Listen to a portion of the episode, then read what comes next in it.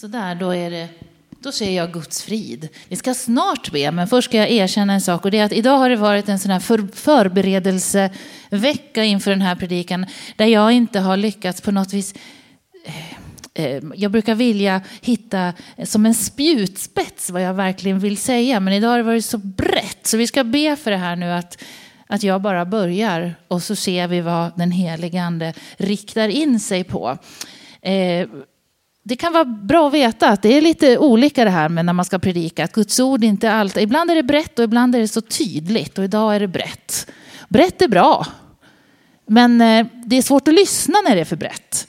Och det är svårt att liksom ta till sig, men å andra sidan när det är brett så kanske man kan ta olika saker, olika personer. Alltså, så kanske det är. Men nu ber vi och så kastar vi oss in i Guds ord och vi ska tala om Johannes, det är klart. Om Johannes döparen och Jesus. Men nu ber vi. Jag ber heligande om ledning.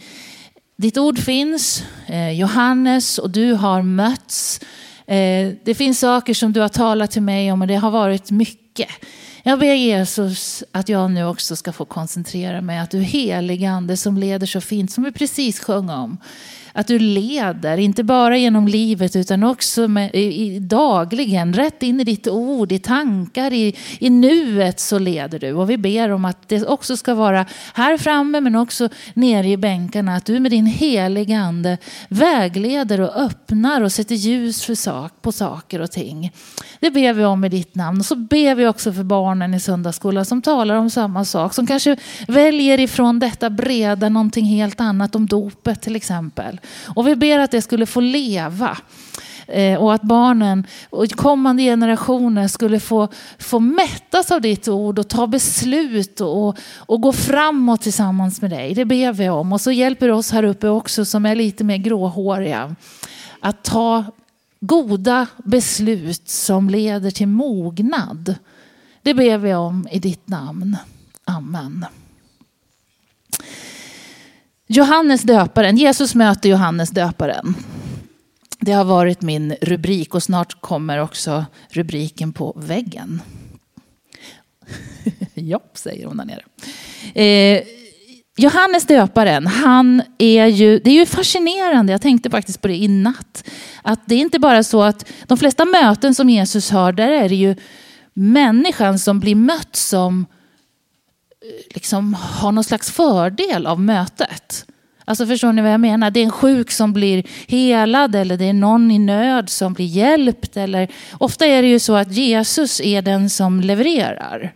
Jesus är den som ger. Men när det kommer till Johannes så är det ett litet annat möte, lite grann att det är två personer som, som möts Jesus som människoson och så Johannes som vanlig människa med en stark kallelse på sitt liv.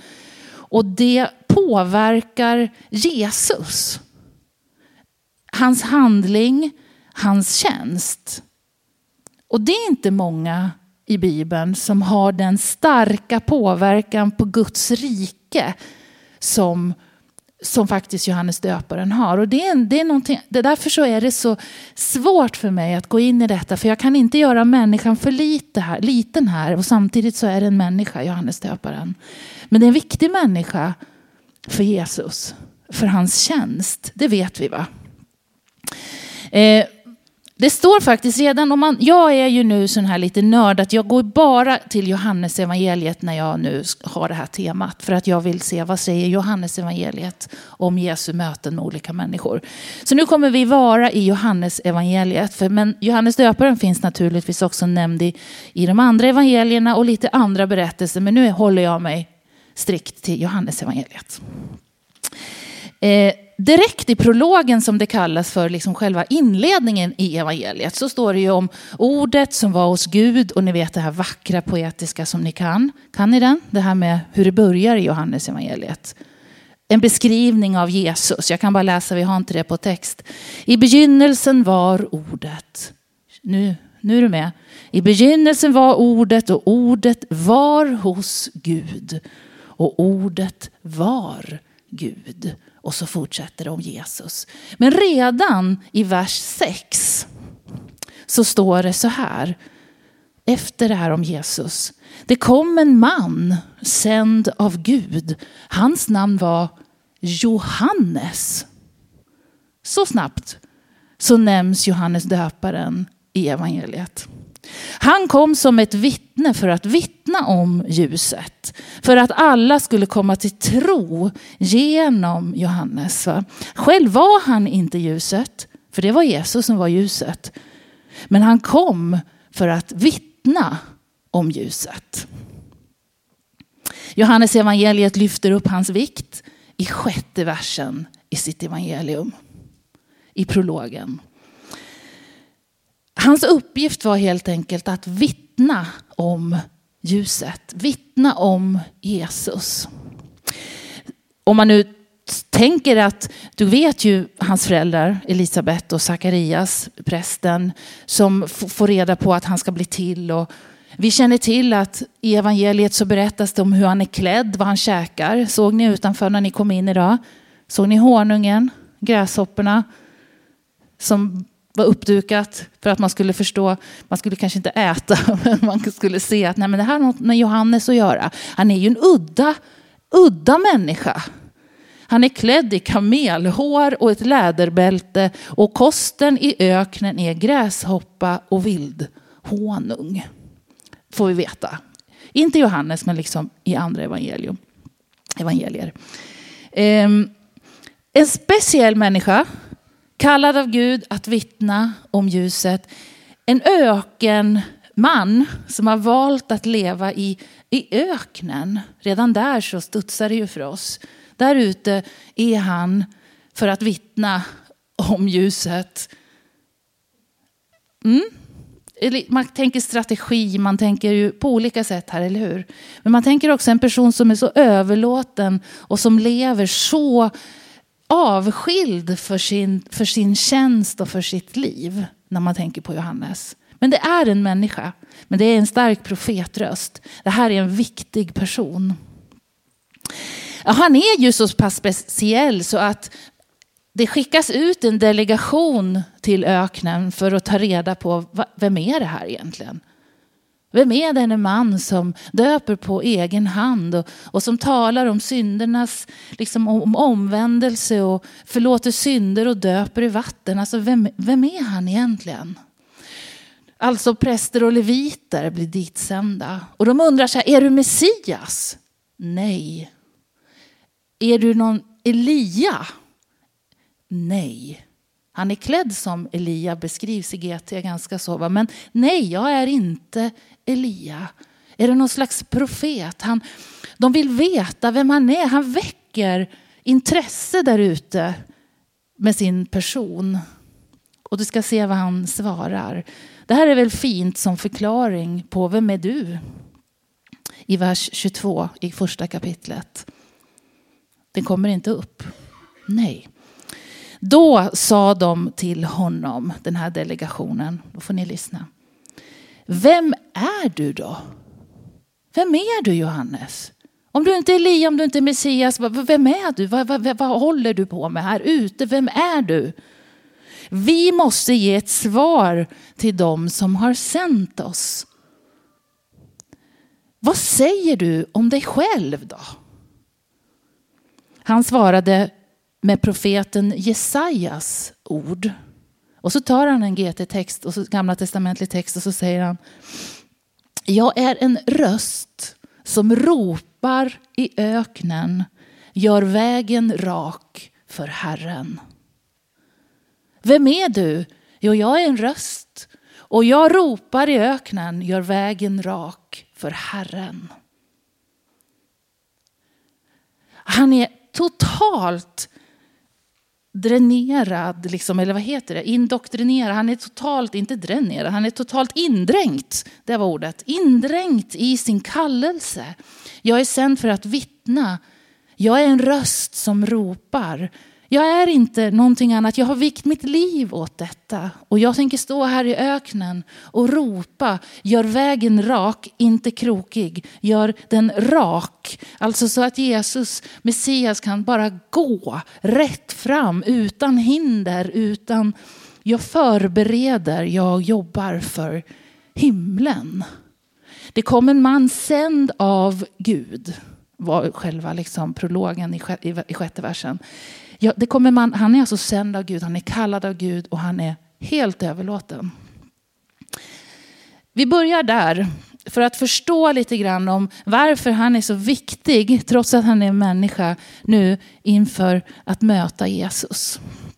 För Johannes, han, alltså evangelisten, nu blir det lite svårt, men Johannes, alltså evangelisten, han som har skrivit eh, Johannes evangeliet. När han nu berättar om deras möten så ska vi, liksom, vi ska titta på dem och så ska vi se vad, hur är Johannes och vad är det som händer när mötet sker nu mellan de två? Och det finns inte många, det finns inget ord som, som liksom konverseras mellan Jesus och Johannes i det här evangeliet. Du, du hittar inte det, att de talar. Däremot så ser du att de möts och att det sker saker. Det är action kring mötet mellan Johannes döparen och Jesus. Och det beror självklart på den enorma kallelse som de båda liksom lever i. Så när Johannes evangeliet ska beskriva deras möten så är det skeendet som beskrivs, inte konversationen. Så vi ska, jag kommer få läsa då, ja, ifrån Johannes 1 och 29. Eh, det här är det liksom första mötet som beskrivs och då står det så här. 1, 29 34 för er som har biblar i Johannes. Nästa dag så såg Johannes Jesus komma. Och det första han säger då är se Guds lamm som tar bort världens synd. Vad hände? Så fort han ser Jesus komma så vittnar han. Se Guds lamm som tar bort världens synd. Det var om honom jag sa, efter mig kommer en man som är före mig, för han var till före mig. Jag kände honom inte, men för att han ska uppenbaras för Israel har jag kommit och döper i vatten. Nu ser ni resultatet i det här jag har pratat om. Johannes vittnade vidare och sa, jag såg anden komma ner som en duva från himlen och stanna över Jesus, över honom. Jag kände honom inte, men han som sände mig att döpa i vatten sa till mig, den du ser anden komma ner och stanna över, över, han är den som kommer att döpa och döper i helig ande. Jag har sett det, säger Johannes, och jag har vittnat. Han är Guds son. Så det här är, det här, han är verkligen i sitt esse nu, Johannes döparen. Och han får vara med. Vi vet att det här är en beskrivning på dopet. Vad som sker när Jesus kommer till honom och ber honom att döpa honom då i Jordan. Det är ju den här, det som beskrivs här i texten att den helige ande kommer ner och att en röst hörs. Det här är min älskade son som står beskrivet i de andra evangelierna. När Johannes döparen möter Jesus så vittnar han och han utför det som Gud har kallat honom att göra, döpa i vatten. Och till och med Jesus döper han i vatten. Och vi vet att när han gör det så startar Jesu offentliga tjänst. Då kliver Jesus ut och, och, och, och, och börjar möta människor. Han har den heliga ande med sig, Guds röst har talat, han kliver ut. Nu eh, något liksom äldre än när han föddes förstås, det har gått några år. Nu är det dags, men som, liksom, som eh, startskott så är det Johannes döparen som får vara med och betjäna Jesus. Och det här är stort för människan, Johannes döparen. Ska jag döpa dig? Ja, det ska du. Vackert är det. Jag kan inte låta bli att koppla Johannes döparens tjänst till församlingens tjänst. Vittna om ljuset, vittna, vara ljus, vittna om Jesus och döpa. Du kan inte lyssna till Johannes döparen utan att tänka att vara en röst som ropar i ett ökenlandskap. Du är en i församlingen som har kallelsen över ditt liv att vara som Johannes. i en ökentid som vi faktiskt kan, kan tycka ibland att vi lever i. Den kopplingen vill jag att vi drar. När jag vänder mitt blad, det är nu jag har filat och bett och funderat. Vad, hur blir det nu? Hur ska jag säga detta? Det är ju nämligen så att Johannes, och jag tycker du Daniel, du, du hjälpte mig lite med din inledning, med den allvarliga inledning du hade om räknade dagar. Om att vara människa, om att utföra det man är kallad till. För det är precis vad som händer när jag vänder på mitt papper i min predikoförberedelse. För då är det så att Johannes döparens tid som förberedare, den är ju inte evig. Den tar ju, det är ju en förberedelsetid, en räknad tid som Gud har bestämt. Han har kallat honom för just den tiden. Han är människa, han lever i timligheten, han lever i det förgängliga, han lever med döden över sig. Eller hur? Och, det, och nu när Jesus, när han har döpt Jesus, så är det ju så här för oss som har kommit upp lite i åren, vi vet att ja, men jag är inte kanske, jag är inte helt med alltid. Det, det finns yngre upplagor av människor som nu ska tjäna Gud. Alltså jag behöver förhålla mig till att min tid snart är ute. Min tjänst, hur ska jag göra? Här kommer nu Johannes in och blir någon slags halvpensionär i sin kallelse. Fortfarande Förstår ni hur jag tänker? Han går in nu, han har förberett, Jesus är i tjänst, men han fortsätter att jobba bredvid Jesus den tid som han har kvar. Men det är ju så att nu ska ju Jesus också hålla på samtidigt och hans rike ska liksom växa och han ska finnas bredvid. Hans storhetstid, den har väl varit va, när han åt där ute i öknen och döpte och när han fick se Jesus komma. Nu är det en ny tid. När jag vänder mitt blad så är det en ny tid för Johannes döparen. Och vi ska läsa några av de texterna för att här behöver du och jag också lära oss lite av Johannes som gudsman och, och som mogen kristen. Hur ska man göra med sitt ego, med sig själv, med det man hade trott, det man trodde, sina egna tankar, sina egna visioner, sin egen... Man tycker man är så viktig och man, man hur ska det gå? Det finns så mycket saker kopplat till oss människor för att, för att vi är just människor. Nu har jag sått in min, mitt problem och så går vi in i texten. Johannes 1 och 36, vi är fortfarande i första kapitlet i Johannes. Nästa dag så stod Johannes döparen där igen med två av sina lärjungar. Observera sina egna lärjungar som hade följt honom. Då såg han Jesus komma gående och då sa han, som det vittne han är, se Guds lamm. De båda lärjungarna hörde vad Jesus sa, följde då efter Jesus. Jesus vände sig om och såg att de följde honom och frågade dem, vem söker ni? De svarade, rabbi, det betyder lärare.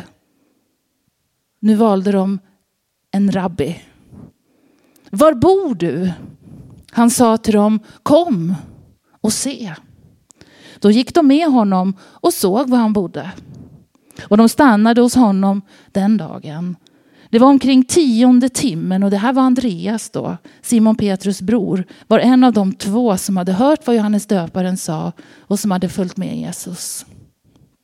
Och så tror man att faktiskt att det är Johannes som har skrivit Johannes evangeliet som var den andra som följde med. Så Andreas och Johannes, troligtvis den som skriver evangeliet, var tidigare lärjungar till Johannes döparen. Men han släpper dem vidare. Att släppa till Guds rike.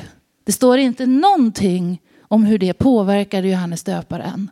Att stå och släppa sina lärjungar till Jesus. Jag tror att han gjorde det med glädje. Jag tror att han kände, jag är mitt i min fulla liksom, kallelse just nu. Det här är inte mitt verk. Jag gör mitt och Guds verk, Jesu verk, det är min kallelse, det ska växa. Och jag tror han välsignade sina lärjungar vidare. Ibland får församlingar vi göra på det här sättet, släppa taget om det vi håller kärt, om det vi är glada för, för det som vi är stolta över. Ibland behöver vi släppa till Jesus, till Guds verk. För vi bygger inte vår egen lärjungaskara. Vi bygger Guds rike. Jag vet inte varför det här är svårt. Kanske är det därför att det berör mig som människa. Att faktiskt bli äldre, kanske. Jag vet inte. Eller så är det så här att, att allt det här som är att det, att det är så vackert på något sätt också. Att vara en sån här människa, att det, det talar till oss. Det talar till en. Jag vill vara en person som inte binder till människa utan som släpper till Guds rike. Jag vill vara fri ifrån mig själv och ge av till och med mina egna lärjungar som jag har lärt mig att älska och som jag har gett så mycket till och som har suttit där och som har följt mig och som har varit trogna. Gå nu med Jesus. Släpp taget. Gå. Det fortsätter att gnissla. Redan i kapitel 3 så, så gnisslar det i det här med att Jesus har sin verksamhet och Johannes har sin. Det är inte lätt att samverka och samarbeta i Guds rike. Det är inte vi är människor. Och det gnisslar till och med här, fast det är Jesus som verkar och Johannes som ska vara strax intill. Men han är ganska oskyldig, Johannes döparen, men hans lärjungar är lite mindre mogna. Vers, eller kapitel 3, vers 22. Är ni med? Nu ska vi se på gnissel. Sedan gick Jesus med sina lärjungar till Judeen och han var med dem där en tid och döpte. Så Jesus döper. Även Johannes döper. I Ainon nära Salim där det fanns gott om vatten och folk kom dit och blev döpta. Så det pågår två verksamheter på två olika platser. Jesus och hans lärjungar döper och Johannes och hans lärjungar döper. De behöver leva en tid bredvid varandra. Johannes hade ännu inte blivit satt i fängelset. Men då uppstod en diskussion om reningen mellan några av Johannes lärjungar och en jude. Vi vet ju inte exakt vad det var. Men de gick till Johannes. Det här väckte följdfrågor och de sa Rabbi, han som var med han som var med dig på andra sidan och Jordan och som du vittnade om. Nu döper han och alla går till honom. Alltså, nu håller Jesus på och döper och alla går dit. Och Johannes svarade, en människa kan inte ta sig något utan att det ges henne ifrån himlen. Ni kan själva vittna om att jag sa, jag är inte Messias. Jag är ju sänd framför honom. Brudgum är den som har bruden. Men brudgummens vän står där och lyssnar till honom och glädjer sig över brudgummens röst. Den glädjen är nu min. Jag är som en vän som glädjer mig över brudgummen som har bruden. Och så säger han det här oerhört starka. Han måste bli större och jag mindre. Ja, Jesus måste bli större och jag mindre. Det är min kallelse. Och jag tror att det är församlingens kallelse likväl. Vi är viktiga. Det är det ena vi måste slå fast. Att tänk att himlen samarbetar med en människa vid namn Johannes när Jesus ska komma till jorden. Wow! Att han, att han tar en som förbereder. Att han inte bara domderar ner och klarar sig själv, Jesus. Nej, han samarbetar med människan därför att hon är viktig. Men människan är, har några dagar, har en kallelse, har en viss tid på sig. Men Guds rike är evigt och Jesu tjänst den är evig än idag. Och så här behöver vi förstå att församlingen är viktig, men Jesus är viktigare. Vill samarbeta med oss, men han är viktigast. Huvudet för församlingen. Vår uppgift är att göra det vi har. Och det kan ju upplevas så, precis som det kan kännas här, att han stod där i öken, stackaren. Klia kamelhår på kroppen, käkade sånt som vi inte ens skulle vilja käka. Va? Alltså det, det, det kan kännas nästan som att vi ibland håller på lite så, trampar vatten som församling. Vi står och ropar i öknen. Hallå, hallå. Alla vi som vill komma in i kyrkan och så kommer det två. Hallå. Och så, alltså det känns ju ibland som att det är trögt. Och jag tror att Johannes, det ser vi i andra evangelium, att han har också stunder då han undrar hur, hur är det egentligen? Hur, hur, hur, hur går det? Är du verkligen Messias? Och hur funkar det här? Och så, det finns ju, det, han, han är människa. Och samtidigt så viktig. Ja. Men är det något värt? Det är frågan. Vad, eller hur, när man tittar på Johannes döparens liv utifrån mänsklig blick. Att vara där ute i öknen, ha kamelhåren, käka där ute, vara där ute, göra detta, döpa Jesus. Blev det mänskligt sett som Johannes och alla andra hade trott? Ja, det tror jag. Därför att när vi tittar på saker och ting med mänsklig blick så kan det se lite futtigt ut. Men vi vet inte vad som händer ur ett andligt perspektiv. Det vi ser som öken kanske var liksom Guds paradis för just det han ville skulle ske där och då. Det är våra ord när vi försöker och de här två som kanske kommer till kyrkan eller vad det kan vara. Det är precis det som är tanken just där och då ur ett himmelskt perspektiv. För att vi ser inte allt det himlen ser. Att kunna våga se det eh, mänskligt futtiga med Guds blick och tacka för det futtiga. Tacka för det som vi gör i strävan för Guds rike och tacka för de två, tacka för de få, tacka för den gången där det funkar. Va? Att se att Guds rike, precis som Johannes döparens kallelse, kanske inte slog så väl ut. Han var ju bara där på lilla jorden, kan vi tycka. Men vilket resultat det blev. Eller hur? Det är det här som är perspektivet. Människans perspektiv och Guds perspektiv. Förakta inte det Gud gör. Det är församlingens absoluta plikt att inte förakta det lilla som sker i Guds namn. Det är allvar det. Att tacka för det Gud gör. Och se det också i ditt eget liv.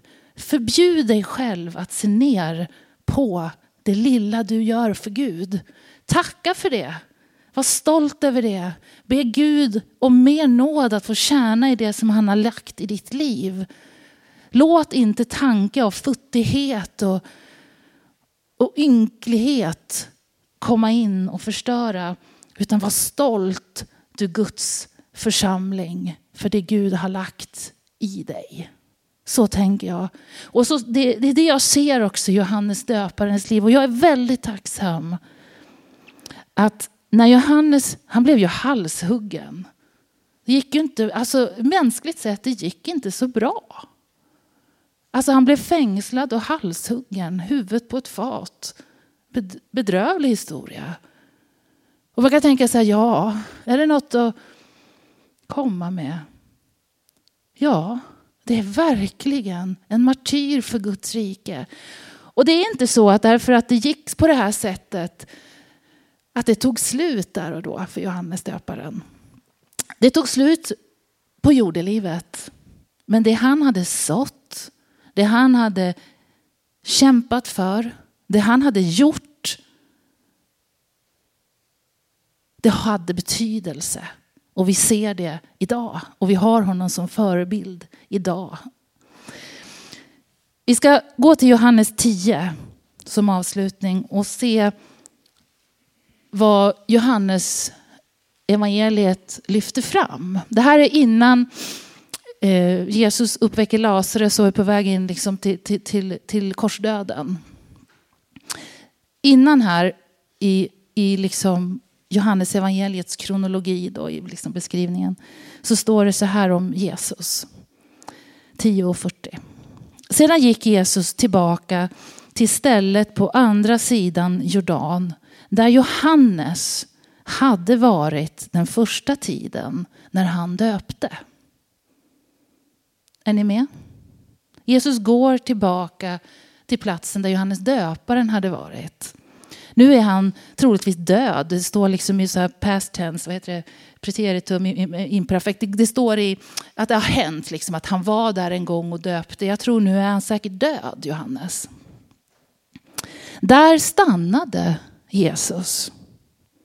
Många kom till honom och så sa de, även om Johannes inte gjorde något tecken så var allt han sa om Jesus, det var ju sant.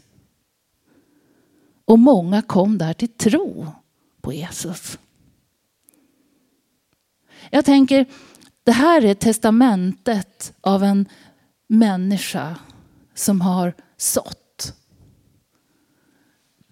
Jesus gick tillbaka till platsen och då sker saker utav evighet. Vi vet inte vad det, den sådd vi gör, den lilla sådden som du och jag gör nu i ett ökenland, vad det kan betyda om några år. Vi vet inte vad våra liv, när vi en gång läggs till graven, eftersom vi är människor, våra dagar är räknade, vi vet inte vad det ger för resultat. Kanske generationer framåt, eller om Gud kommer tillbaka, att vi får vara med liksom och se hur kommande, de som har varit innan oss, hur vi får vara med nu och skörda det myckna arbetet som har ropats ut i öknen tidigare århundraden. Liksom. Vi vet ingenting. Det enda vi vet är att kallelsen är vår. Vittna om ljuset. Döp till Kristus.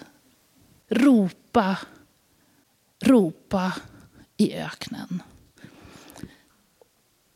Låt oss be. Jag tackar dig Herre för ditt verk. Jag tackar dig för kallelsen och din starka röst som än idag går, in, går ut över jorden och kallar människor att axla ansvaret för att vara ljus. Att tala om dig som ljus, att vittna om dig, att utföra ökenarbete.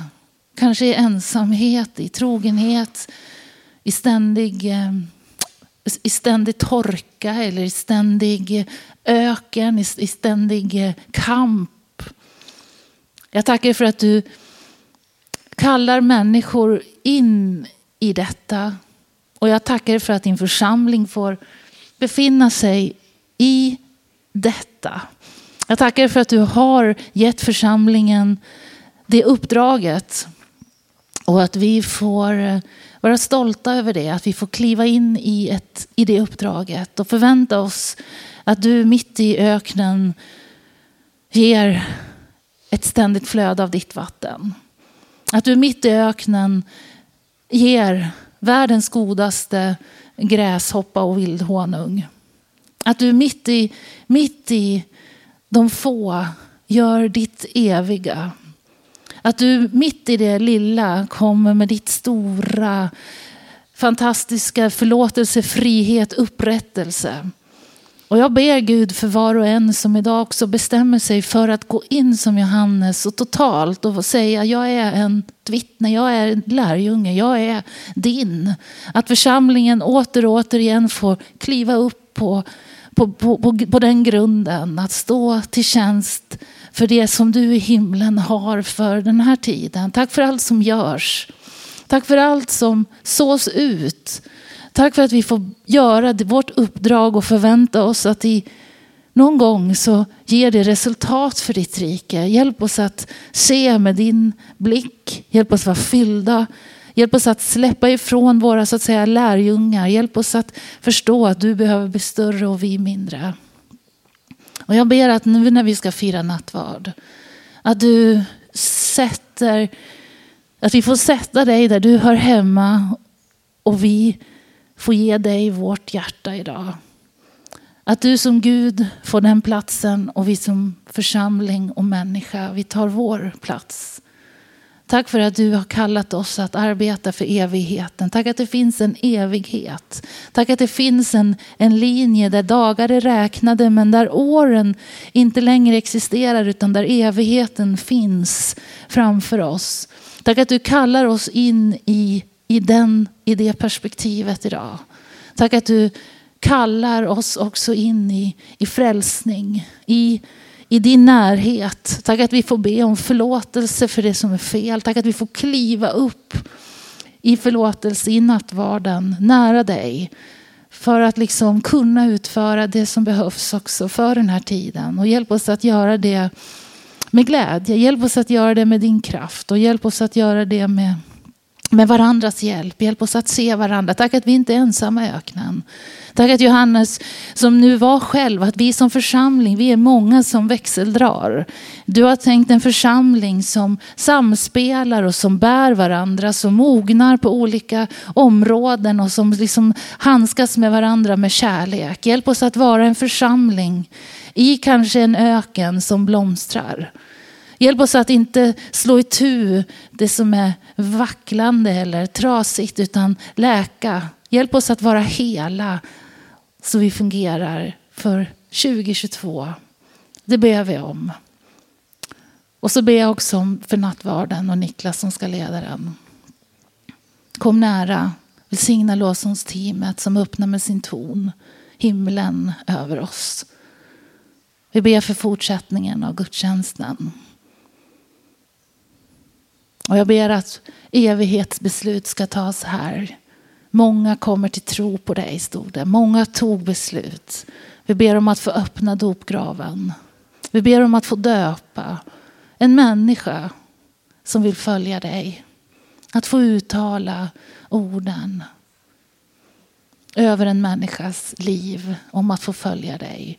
Det ber vi om för den närmsta tiden. För ditt rikes skull. Så att du ska bli större. Så att ditt rike blir större. Amen.